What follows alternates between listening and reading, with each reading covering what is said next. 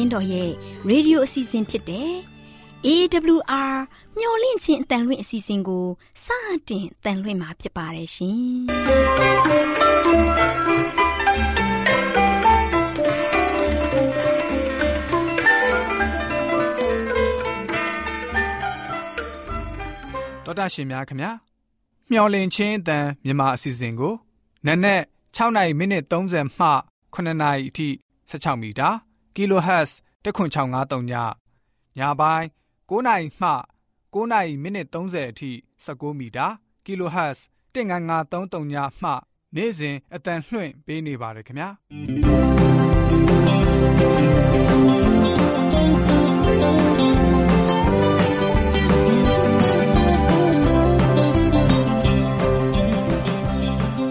ဒေါက်တာရှင်များရှင်ဒီကနေ့ထုတ်လွှင့်တင်ဆက်ပေးမယ့်အစီအစဉ်တွေကတော့ ကျမ်းမာပျော်ရွှင်လူပေါင်းတွင်အစီအစဉ်တရားဒေသနာတော်အစီအစဉ်အထွေထွေဘုဒ္ဓအစီအစဉ်တို့ဖြစ်ပါတယ်ရှင်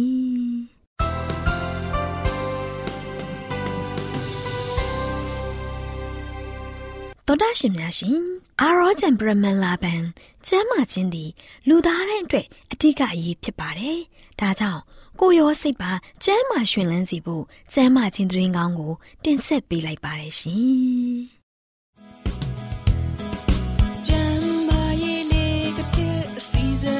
နာရှင်ပြေလိုက်လျှောက်တမဲ့ထိန်သိမ်းစို့ွယ်တို့ခန္ဓာကိုယ်ကိုနာနှကောင်းမျက်စိလဲစိတ်ပိုင်းတစ်ခုမျော်လင့်ခြင်းတန်တော်တာရှင်များကိုမင်္ဂလာနေ့ရဲ့အချိန်အခါလေးဖြစ်ပါစေလို့ဆုတောင်းပေးလိုက်ရပါတယ်။တော်တာရှင်များရှင်ကျမ်းမာပြောရွှင်လူပေါင်းတွင်အစည်းအဝေးမှာမူရည်စိတ်ကြွစေသည့်အရာများမှပေးသောအကျိုးသက်ရောက်မှုများဆိုတဲ့အကြောင်းကို တင်ပြပေးသွားမှာဖြစ်ပါတယ်။တော်တာရှင်များရှင်လက်ဖက်ရည်နဲ့ကော်ဖီကိုတောက်သုံးတာကြောင့်အာယွန်ကြောတွေကိုထကြွလှုပ်ရှားစေပါတယ်။ဒီလိုတောက်သုံးတဲ့အတွက်ဉာဏ်စွမ်းတွေထက်မြက်လာသလိုအတွေးအမြင်တွေပိုပြီးတော့ထင်ရှားလာသလိုခံစားရတတ်ပါတယ်။ဒါကြောင့်မို့လက်ဖက်ရည်ကော်ဖီကို အမှန်တကယ်တောက်သုံးသင့်တယ်လို့အများစုက ထင်မြင်ယူဆလာကြပါတယ်။သောတာရှင်များရှင်တံမြန်လှုပ်ရှားမှုဆိုတာက ရှိစမြဲဖြစ်ပါတယ်။လက်ဖက်ရည်ကော်ဖီတွေကိုတောက်သုံးလိုက်တဲ့အတွက်ရုတ်တရက်ခံစားလိုက်ရတဲ့တတမှုက အာယုံကြောတွေကို အားကောင်းစေတယ်လို့ထင်မြင်စီပါတယ်။ဒါပေမဲ့နောက်ဆုံးအကျိုးဆက်အနည်းနဲ့ကကိုယ်ခန္ဓာကိုဒဏ်ရာဖြစ်စေပါတယ်။မိတ်ဆွေများတို့ရှင် ဆေးရွက်ကြီးကိုသုံးဆွဲတာကအရက်တောက်တာထက်အာယုံကြောတွေကိုပုံမပျက်စီးစေနိုင်ပါတယ်။အရက်ကအရက်သမားအပေါ်ချီနှောင်တဲ့ကျိုးတဲ့ဆေးရွက်ကြီးကဆေးရွက်ကြီးသုံးသူကိုချီနှောင်တဲ့ကျိုးကပိုပြီးတော့ခိုင်ခံပါတယ်။အရက်ဖြတ်တာထက်ဆေးရွက်ကြီးဖြတ်ဖို့ကခက်ပါတယ်။အရက်တောက်တာထက်ဆေးရွက်ကြီးသုံးတာကတကိုယ်လုံးကိုပြင်မှုစေပါတယ်။ ဆေးရွက်ကြီးကပိုပြီးတော့ညှင်းသားတဲ့အစိတ်တစ်ခုလည်းဖြစ်ပါတယ်။ဆေးရွက်ကြီးကအုံနောက်ကိုပျက်စီးစေပြီးအာယုံခံစားမှုတွေကို ထုံထိုင်းစေပါတယ်။ဆေးရွက်ကြီးကို ပုံစံအမျိုးမျိုးနဲ့သုံးတာကဖျားသခင်ရှိတော်မှာညဉ့်ညမ်းပါတယ်။သောတာရှင်များရှင်ဆေးရွက်ကြီးကအုံနောက်ကို အာနေစေယုံသားမကအာယုံကြောခံစားမှုကိုလည်း ကြည်ပြက်စေနိုင်ပါတယ်။သောတာရှင်များရှင်ဆေးရွက်ကြီးကိုသုံးဆွဲတာကြောင့်အရက်အပြင်းစားတွေကိုတောက်သုံးခြင်းနဲ့စိတ်ဖြစ်ပေါ်စေပါတယ်။ဒါကြောင့်မို့ဆေးရွက်ကြီးကိုသုံးတာကအရက်သမားဘဝကိုအစပြိုးပေးတဲ့အကျင့်တစ်ခုလည်းဖြစ်ပါတယ်။သောတာရှင်များရှင်မူရည်စိတ်ကြွစေတဲ့အရာတွေကခန္ဓာကိုယ်ခွန်အားကိုပြုံးလျော့သွားစေပါတယ်။ ခန္ဓာကိုယ်ပေါ်တက်ရောက်သမျှကစိတ်အပေါ်မှာလည်းတက်ရောက်နေပါတယ်။ဒီအရာတွေက ကိုယ်စိတ်နှစ်ပါးရဲ့ခွန်အားတွေကိုထကြွစေတာမှန်ပေမဲ့အာနိသင်ကုံသွားတဲ့အချိန်မှာမူလအခြေအနေတဲ့ကိုယ်ရောစိတ်ပါပိုမိုဆိုးဝါးသွားနိုင်ပါတယ်။ခန္ဓာကိုယ်ဆွမ်းအားတွေကိုရုပ်လျော့စေုံသာမက စိတ်နှလုံးကိုလည်းနှိပ်ကြစေပါတယ် ကိုကျင့်တရားကိုတည်သိမ်သွားစေတဲ့အတွက်ဆေးရွက်ကြီးနဲ့ရက်တောက်သုံးတာက လူသားမျိုးဆက်အတွက်အလွန်ဆိုးတဲ့ကြိမ်ချင်းအမင်္ဂလာဖြစ်ပါတယ်။စင်ချင်းတုံတရားထိမ့်ချုံကင်းမဲ့မှုကိုလည်းဖြစ်စေပါတယ်။ဒီယာတွေကိုပုံမတောက်သုံးတာနဲ့အမျှ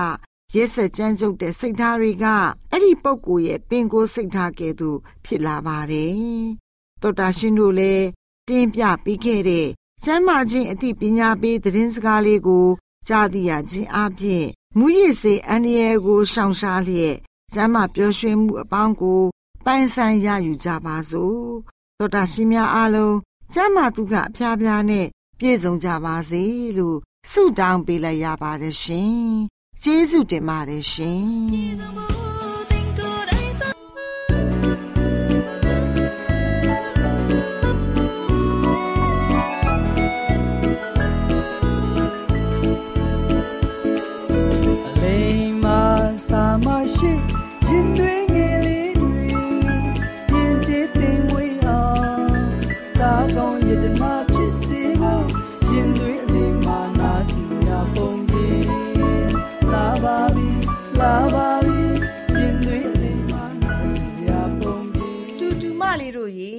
ရင်သွေးအလိမ်မှာနားဆင်စရာပုံမြင်ကဏ္ဍမှာကလေးတို့တွေနားဆင်ဖို့ရန်အတွက်ရိုးသားမှုဒီအကောင်းဆုံးလမ်းစဉ်ဖြစ်တဲ့ဆိုတဲ့ပုံမြင်လေးကို ပြောပြပေးသွားမှာဖြစ်ပါတယ်ကွယ်တူတူမလေးတို့ရေဖိုးချိုဆိုတဲ့လူငယ်လေးတယောက်ဟာစက်မင်းအစ်စ်တစ်စီးကိုဝဲချင်းနေပါတယ်ကွယ်ဒါပေမဲ့သူစုထားတဲ့ပတ်စံကလည်းနည်းနည်းပဲရသေးတာမို့ဖိုးချိုတယောက်စက်မင်းအစ်စ်တစ်စီးဝယ်နိုင်ဖို့ရန်အတွက်မလွယ်ကူဘူးပေါ့ကွယ် အဲ့ဒီအချိန်မှာပဲဖိုးချိုရဲ့ဖေဖေကအားရီဖေဖေကိုလမ်းထိပ်ကစတိုးဆိုင်ကြီးမှာဈေးသွားဝယ်ပေးပါဦးဟုတ်ကဲ့ပါဖေဖေမင်းမြတ်သွားပြီးပြန်လာခဲ့သားရီတားပြန်လာရင်ဖေဖေတို့ညစာစားကြမယ်ဟုတ်ကဲ့ဖေဖေတားပြင်းပြင်းပြန်လာခဲ့ပါမယ်သွားပြီနော်ဖေဖေအေးတူတူမလေးတို့ရေဖိုးချိုဟာ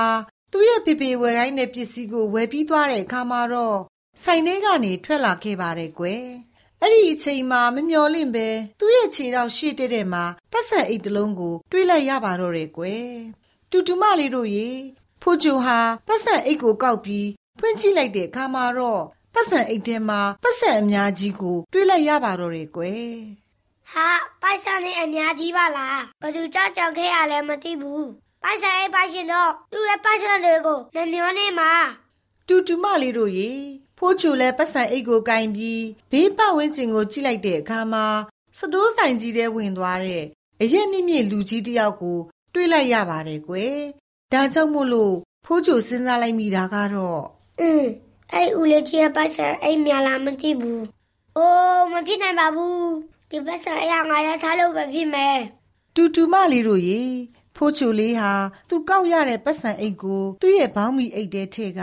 အင်ကိုပြန်လာခဲ့ပါတော့တယ်ကွယ်သူ့ရဲ့စိတ်ထဲကလည်းငါစီးချင်းနဲ့ဆက်ပိတ်အတိတ်လေးဝယ်ရတော့မယ်ပြောလိုက်တာတူတူမလေးတို့ရေဖိုးချိုတယောက်သူ့စိတ်ကူးနဲ့သူအယမ်းပျော်နေတာပေါ့ကွယ်ဒီလိုနဲ့အိမ်ကိုရောက်တဲ့အခါမှာတော့ကဲသားရီဖေဖေတို့ညနေစာစားကြရအောင်ဟုတ်ကဲ့ဖေဖေတူတူမလေးတို့ရေဖိုးချိုလေးမှာမိခင်မရှိပါဘူးကွယ်ဒါကြောင့်မို့လို့သူ့ကိုသူ့ရဲ့ဖေဖေက အမြဲတမ်းသွန်သင်ဆုံးမလေးရှိပါတယ်ကွယ်ဒါကြောင့်ဖိုးချိုအနေနဲ့သူပတ်စံအိတ်ကောက်ရတာသူ့ရဲ့ဖေဖေကိုပြောပြရင်ကောင်းမလားဆိုပြီးထမင်းစားနေရင်းနဲ့စဉ်းစားမိနေပါတော့တယ်ကွယ်ဒါကြောင့်ထမင်းဝိုင်းမှာခါတိုင်းလိုထမင်းကိုမိမိရှက်ရှက်မစားတဲ့ဖိုးချိုကိုကြည့်ပြီးသူ့ရဲ့ဖေဖေက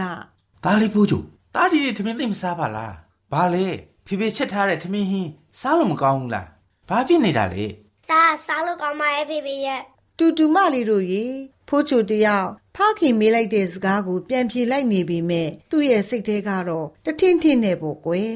သူပတ်စံအိတ်ကောက်ရတာဖခင်ကိုပြောရင်ကောင်းမလားမပြောဘဲနေရင်ကောင်းမလားဆိုပြီးစိတ်ထဲမှာတွေးမိကမပြောရွှင်နိုင်ဖြစ်နေတာပေါ့ကွယ်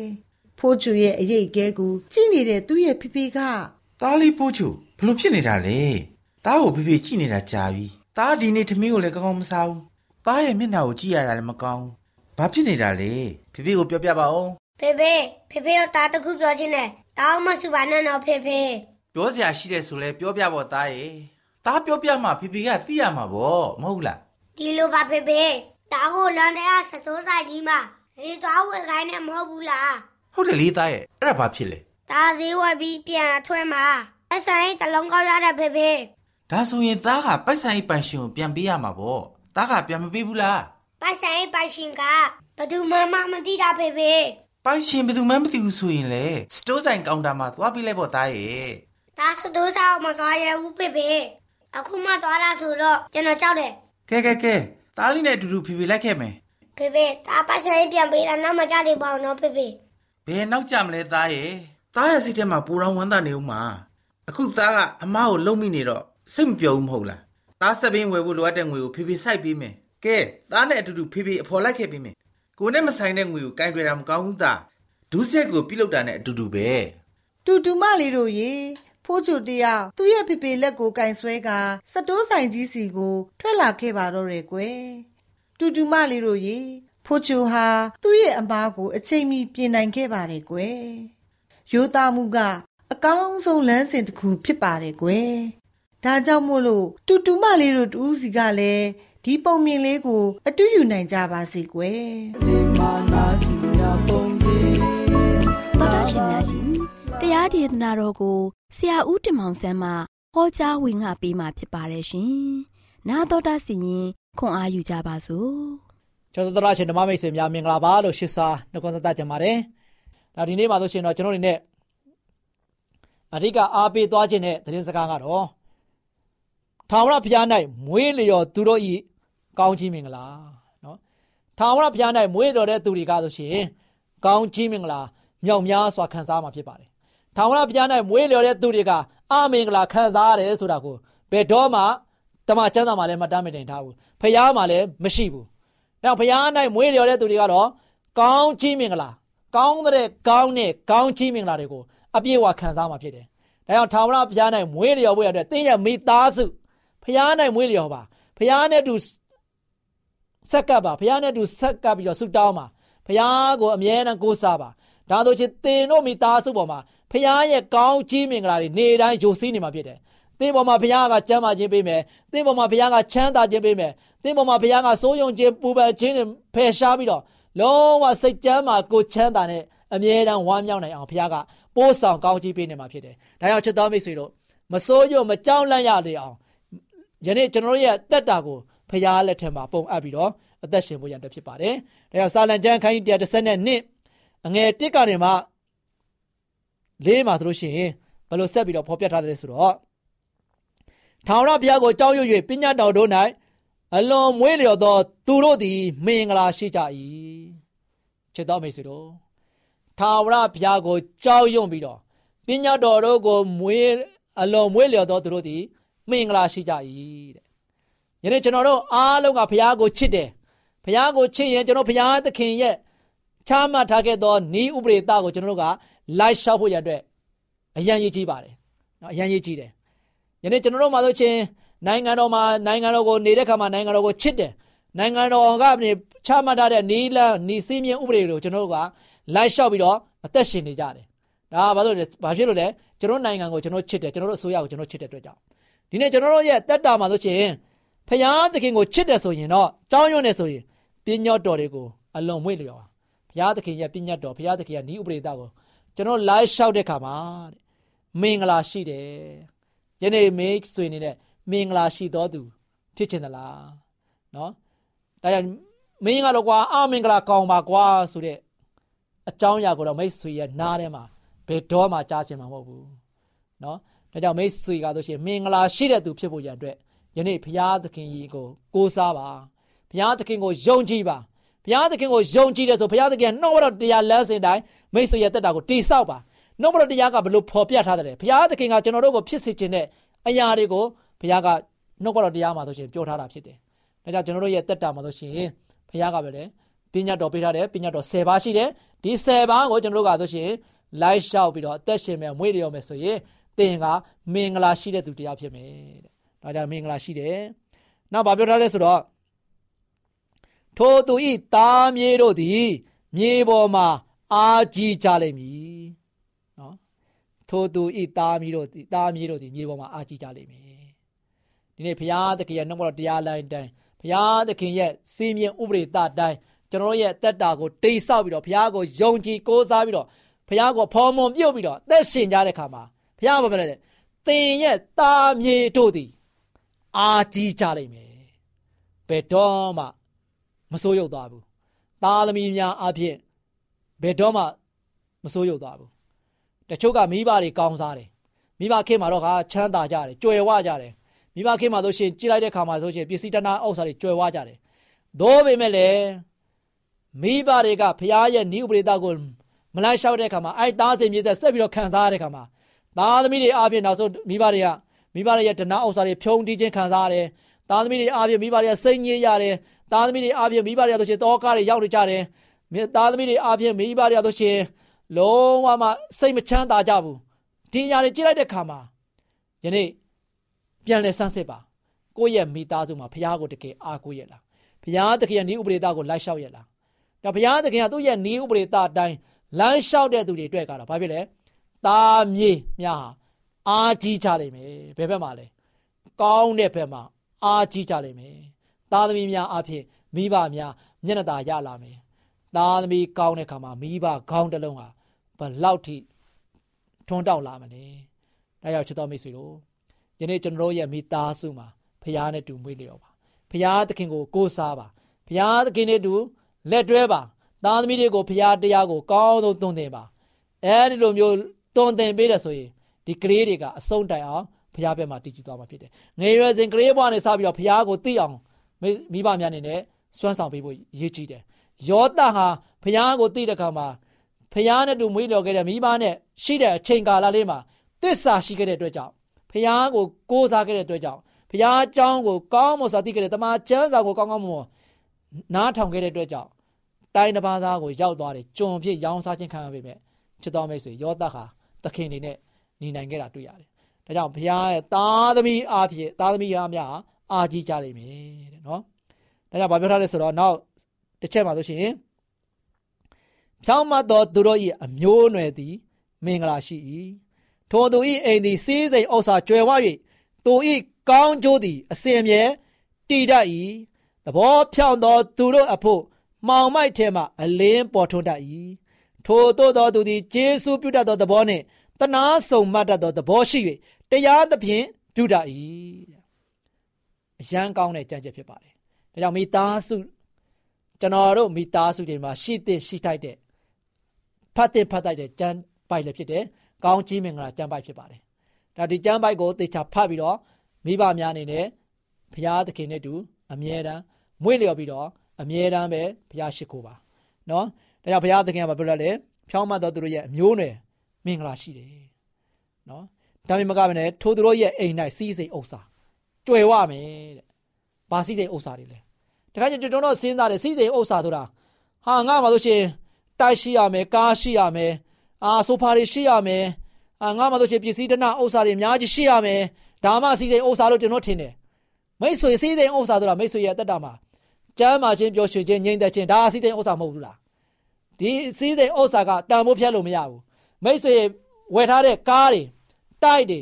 မိတ်ဆွေရဲ့ပိုင်ဆိုင်တဲ့ຢာတွေအားလုံးကတန်ဖိုးဖြတ်လို့ရတယ်တို့ပေမဲ့ကျမ်းမာခြင်းပျော်ရွှင်ခြင်းငြိမ်သက်ခြင်းမိတ်ဆွေတန်ဖိုးဖြတ်လို့မရဘူးဘယ်ຢာနဲ့မှ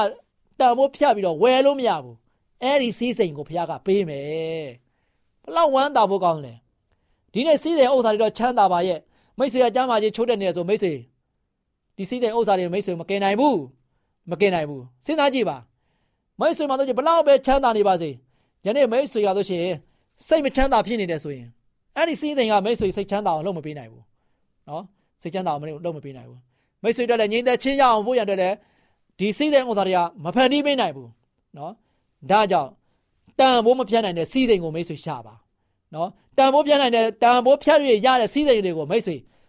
မရှာပါနဲ့ဒီအရာတွေကိုမိတ်ဆွေမမက်မောပါနဲ့ ဒါတွေကတည်င်ကားတွင်ပဲပျောက်ပြက်သွားပြီးတော့ဒါတွေကမိတ်ဆွေတဲ့လုံးဝမှထာဝရပျော်ရွှင်ခြင်းကိုမပေးနိုင်ဘူးဒါကြောင့်ထာဝရပျော်ရွှင်ခြင်းကိုပေးနိုင်တဲ့စီးစိမ်ဥစ္စာဖြစ်တဲ့အရာကတော့ပျော်ရွှင်ခြင်းကျမ်းမာခြင်းငြိမ်သက်ခြင်းကိုဘုရားသခင်ကဒီစီးစိမ်ကိုမိတ်ဆွေကိုပေးမှဖြစ်တယ်အဲ့ဒီတော့ကြောင့်မိတ်ဆွေရဲ့မိသားစုဘလောက်ပျော်ရွှင်ဖို့ကောင်းလဲမိတ်ဆွေရဲ့မိသားစုဘလောက်ကျမ်းမာခြင်းခွန်အားခံစားရမလဲမိတ်ဆွေရဲ့မိသားစုမှာဘလောက်ငြိမ်သက်ခြင်းခံစားရမလဲ သူမသူတစ်ပါးတွေစိုးရုံနေတယ်ကြောက်လန့်နေတယ်ထိတ်လန့်နေတဲ့ခါမှာမိတ်ဆွေငြိမ်သက်သွားတဲ့ကောင်းအောင်ဆုံးဘုရားကိုယ်တော်ကိုချီးမွမ်းနိုင်တယ်ဒါဟာမုံမြတ်တဲ့မင်္ဂလာမဟုတ်ဘူးလားမိတ်ဆွေဒါကြောင့်ချစ်တော်မိတ်ဆွေတို့ဒါကြောင့်ကျွန်တော်တို့ရဲ့တက်တာမှာဆိုရှင်သူဤကောင်းကျိုးဒီအစင်မြဲတည်တတ်၏ဒါကြောင့်ဒီကောင်းကျိုးဒီစီးစိမ်ဥစ္စာကောင်းကျိုးဟာအစင်မြဲတည်မယ်ဒါကြောင့်ကျွန်တော်တို့နေအားပေးချင်တာကတော့ချစ်တော်မိတ်ဆွေတို့ဒီကနေ့ခဲရင်ဆုပ်ယုတ်တဲ့ကာလမှာ ကျွန်တော်တို့အားလုံးအတွက်နော်မင်္ဂလာရှိတဲ့သူဖြစ်ဖို့ရတယ်ဘာလို့ရမလဲဘုရားသခင်ရဲ့ပညတ်တော်နှုတ်ဘတော်တရားအတိုင်းကျွန်တော်တို့ရဲ့တက်တာကိုတိဆောက်ပါကျွန်တော်တို့အားလုံးဘုရားနဲ့သူမွေ့လျော်ပါဒုတိယချက်ကတော့ကျွန်တော်အားလုံးအဲ့လိုတိဆောက်မယ်ဆိုဘုရားရဲ့ဂရုတော်ဖြစ်တဲ့သားသမီးများမြေးများအားလုံးကအားကြီးကြလိမ့်မယ်ဒါပေမဲ့ကမယ်တင်တော့တင်တော့ဆိုရှင်မင်္ဂလာရှိတဲ့သူတွေဖြစ်လာမယ်တင်တို့ရဲ့အိမ်တော်ကမင်္ဂလာရှိတဲ့အိမ်တော်ဖြစ်လာမယ်ဒါပေမဲ့ကနဲ့ဘုရားသခင်ပေးတဲ့ကြွယ်ဝချမ်းသာခြင်းကိုသင်ခံစားရမယ် သင်တို့ရဲ့ကြွယ်ဝချမ်းသာခြင်းရလို့ရှိရင်တန်ဖိုးဖြတ်၍မရနိုင်တော့ကြွယ်ဝချမ်းသာခြင်းကိုဘုရားကပေးမှဖြစ်တယ်အဲ့ဒီစီးစိမ်မျိုးသင်မခံစားချင်ဘူးလားဒါသင်ခံစားသိခြင်းနဲ့ဆိုရင်ဒီနေ့ကစပြီးတော့သင်ရဲ့ဘဝတက်တာမှာဘုရားနဲ့တူမွေးလျော်ပါဘုရားသခင်နဲ့တူအမြဲတမ်းဖျားပါသင်မိသားစုအားလုံးဘုရားနဲ့တူမွေးလျော်ပြီးတော့ဘုရားသခင်ကိုအမြဲတမ်းဝတ်ပြုပါကိုးကွယ်ပါနော်နှုတ်ဘတော်တမန်တရားအတိုင်းလိုက်လျှောက်ပါအသက်ရှင်ပါ နှုတ်မတော်တော်သည်သင်ရဲ့ချစ်ရှိမှမိကွက်ဖြစ်၍သင်လန်ခင်ကိုပဲ့ပြင်တော်မူနိုင်မယ်။ဒါကြောင့်နှုတ်မတော်တရားဟာအလင်းဖြစ်တယ်။ဒီအလင်းတရားကိုကျွန်တော်တို့အားလုံးကရရှိပိုင်တာပြီးတော့အမြဲတမ်းပျော်ရွှင်ခြင်းဝမ်းမြောက်ခြင်းငြိမ်သက်ခြင်းဆိုတဲ့စီးစိမ်ဥစ္စာကိုသင်တို့မိသားစုမှာအမြဲခံစားရပါစေလို့ဆုတောင်းဆန္ဒပြုနေနေကုန်းချုပ်ပါတယ်။ချစ်တော်မိတ်ဆွေများအားလုံးဘုရားသခင်ကြုံဝမြတ်ပြတ်စွာကောင်းကြီးမလား။သုံးလောင်းချပေးပါစေ။မျော်လင့်ခြင်းတန်တော်သားရှင်များကို မင်္ဂလာပါလို့နှုတ်ခွန်းဆက်သလိုက်ပါတယ်။သောသားရှင်များရှင်စကားပရိသတ်မင်္ဂလာအစီအစဉ်မှာလူငယ်ကိုခေါ်ခြင်းဆိုတဲ့အကြောင်းကို တင်ပြပေးသွားမှာဖြစ်ပါတယ်။ဒီနေ့ကြားသိရမယ့်အကြောင်းအရာကသောသားရှင်များနဲ့အတူလူငယ်မောင်မယ်တို့အတွက်ဘဝမှာခွန်အားဖြစ်စေမဲ့သတင်းစကားလေးဖြစ်ပါစေ။သောသားရှင်များရှင်လူငယ်လူရွယ်လေးတွေဟာစိတ်အားထက်သန်တဲ့လူကြီးဘဝကိုရောက်ရှိဖို့ဖျားသခင်အလိုတော်ရှိပါတယ်။ချစ်စရာကောင်းလာတဲ့ လူငယ်မောင်မယ်လေးတွေဟာကိုရော်ရဲ့မြင့်မြတ်တဲ့အမှုတော်အတွက်အသုံးတော်ခံဖို့ပြင်ဆင်ထားရပါမယ်။ဒါအပြင်မိမိတို့ရဲ့ထမ်းဆောင်ရမယ့်တာဝန်ဝတ္တရားတွေကိုလည်းထိုက်တန်စွာ ဆောင်ရွက်နိုင်ရမှာဖြစ်ပါတယ်။လူငယ်မောင်မယ်လေးများတို့ရဲ့အသက်တာမှာဖျားသခင်ရဲ့ဘုန်းတော်ကိုချီးမွမ်းပြီးလူသားတိုင်းအတွက်ကောင်းချီးမင်္ဂလာဖြစ်စေပါ။သားသမီးလူငယ်အပေါင်းတို့ရဲ့နှလုံးသားလေးတွေထဲမှာညစ်ညူးတဲ့စိတ်နဲ့ကင်းရှင်းပြီးရဲရဲတတိရှိမှုနဲ့အတူ ဘဝမှာတွေ့ကြုံရမယ့်အရာတွေကိုရင်ဆိုင်ဖြေရှင်းနိုင်ရမှာဖြစ်ပါတယ်။ဒီလိုယောက်ျားပိတပြီးရင်ဆိုင်တိုက်ခိုက်ဖို့စိတ်ပိုင်းဖြတ်ထားတဲ့လူငယ်တွေကိုဖျားသခင်ကခေါ်တော်မူလျက်ရှိပါတယ်။တောသားရှင်လူငယ်မောင်မယ်လေးများတို့နှုတ်ကပတ်တော်တမန်ကျမ်းစာကိုမိမိတို့ရဲ့တင်ကြားရာပညာလို့မှတ်ယူကြပါ။လူငယ်မောင်မယ်လေးတို့ရဲ့ပြင်းထန်တဲ့အလွန်စန္ဒတွေကိုထိမ့်သိမ့်ပြီးဖန်ဆင်းရှင်တဲ့ကယ်တင်ရှင်ရဲ့စကားကိုနားထောင်ပါ ဖယားရှင်ရဲ့ကွယ်ကာဆောင်မမှုနဲ့အတူ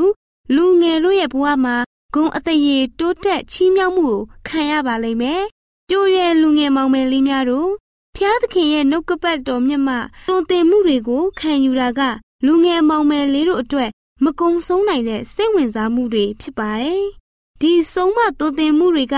အဖိုးမဖြတ်နိုင်တဲ့အရာတွေပဲဖြစ်ပါတယ်။လေးစားရတဲ့လူငယ်မောင်မယ်လေးများတို့လူငယ်တို့ရဲ့ နုနယ်တဲ့ဘဝလေးကိုအမျော်အမြင်ရှိစွာနဲ့တိဆောက်ကြပါ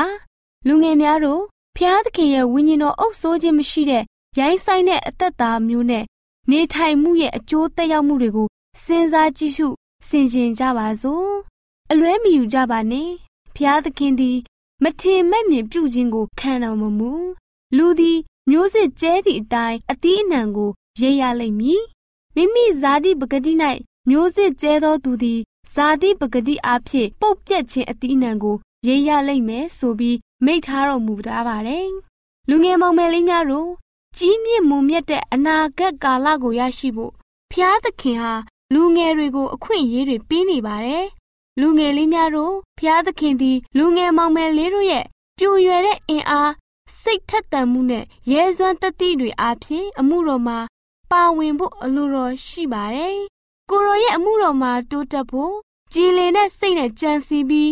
ရဲရင်တဲ့လက်တွေနဲ့ဆောင်ရွက်တဲ့လူငယ်လေးတွေကိုရွေးကောက်တော်မူပါတယ်။မိမိတို့ရဲ့ပြိုရည်နုနေတဲ့အသက်တာလေးမှာတန်မိုးရှိပြီးအများအကျိုးအတွက်အသုံးခံနိုင်တဲ့သူလေးတွေဖြစ်ဖို့ကြိုးစားရကြပါမယ်။လူကြီးမိဘဆရာသမားတွေရဲ့စကားကိုနာခံလျက်ဖျားသခင်ရဲ့အလိုတော်နဲ့အညီအသက်ရှင်နေထိုင်သွားကြပါစို့။ဖျားသခင်ထံတော်မျက်စီမှကောင်းကြီးမင်္ဂလာအဖျားဖျားကို ခံစားရရှိကြပါစေလို့ဆုတောင်းပေးလိုက်ရပါတယ်ရှင်။ကျေးဇူးတင်ပါတယ်ရှင်။။